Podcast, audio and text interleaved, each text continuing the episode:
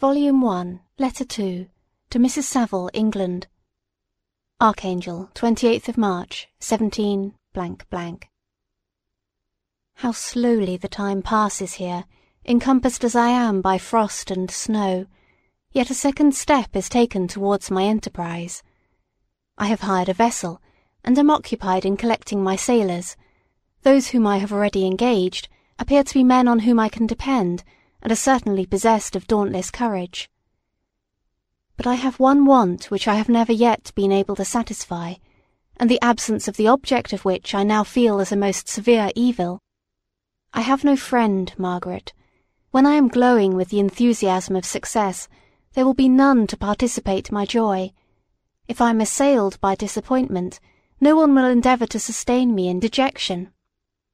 I shall commit my thoughts to paper, it is true, but that is a poor medium for the communication of feeling.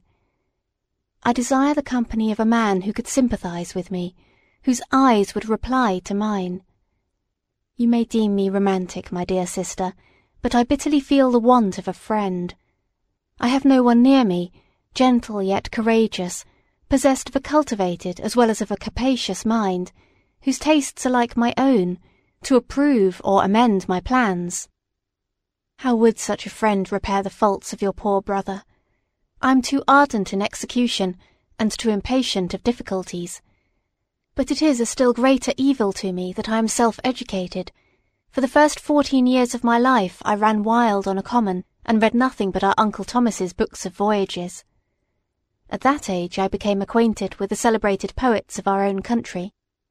But it was only when it had ceased to be in my power to derive its most important benefits from such a conviction that I perceived the necessity of becoming acquainted with more languages than that of my native country.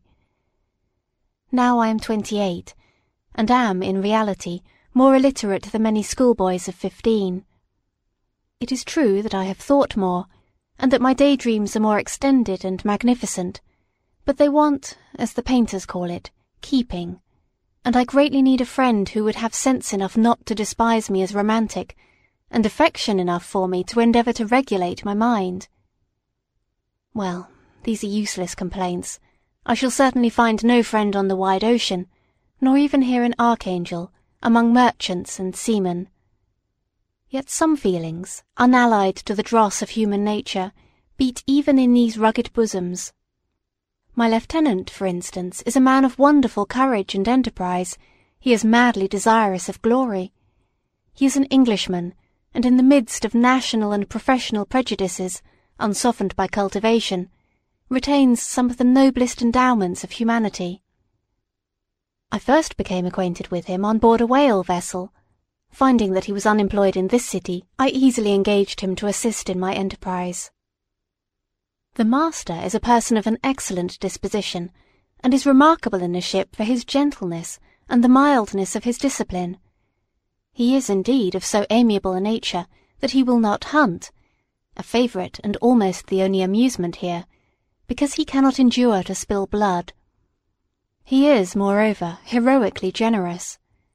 Some years ago he loved a young Russian lady of moderate fortune, and having amassed a considerable sum in prize money, the father of the girl consented to the match. He saw his mistress once before the destined ceremony, but she was bathed in tears, and throwing herself at his feet entreated him to spare her, confessing at the same time that she loved another, but that he was poor, and that her father would never consent to the union.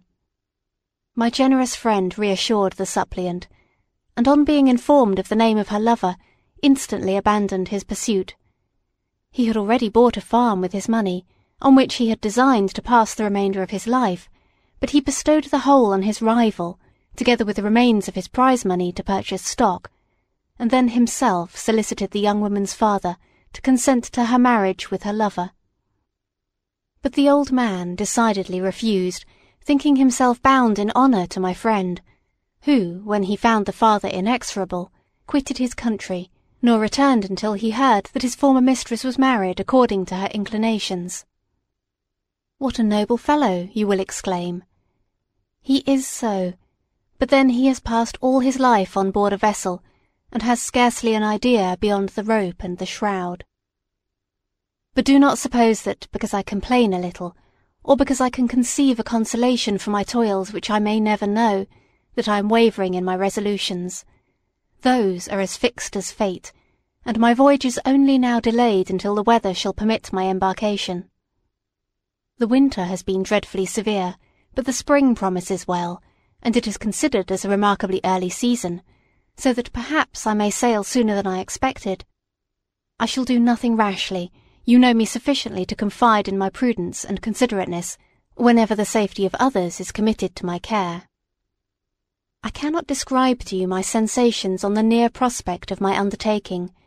It is impossible to communicate to you a conception of the trembling sensation, half pleasurable and half fearful, with which I am preparing to depart. I am going to unexplored regions, to the land of mist and snow, but I shall kill no albatross, therefore do not be alarmed for my safety.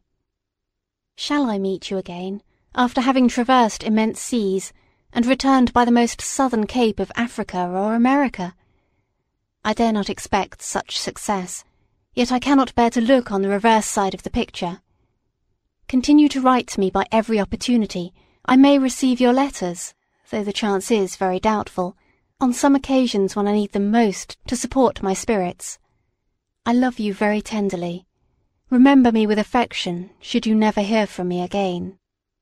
Your affectionate brother, Robert Walton.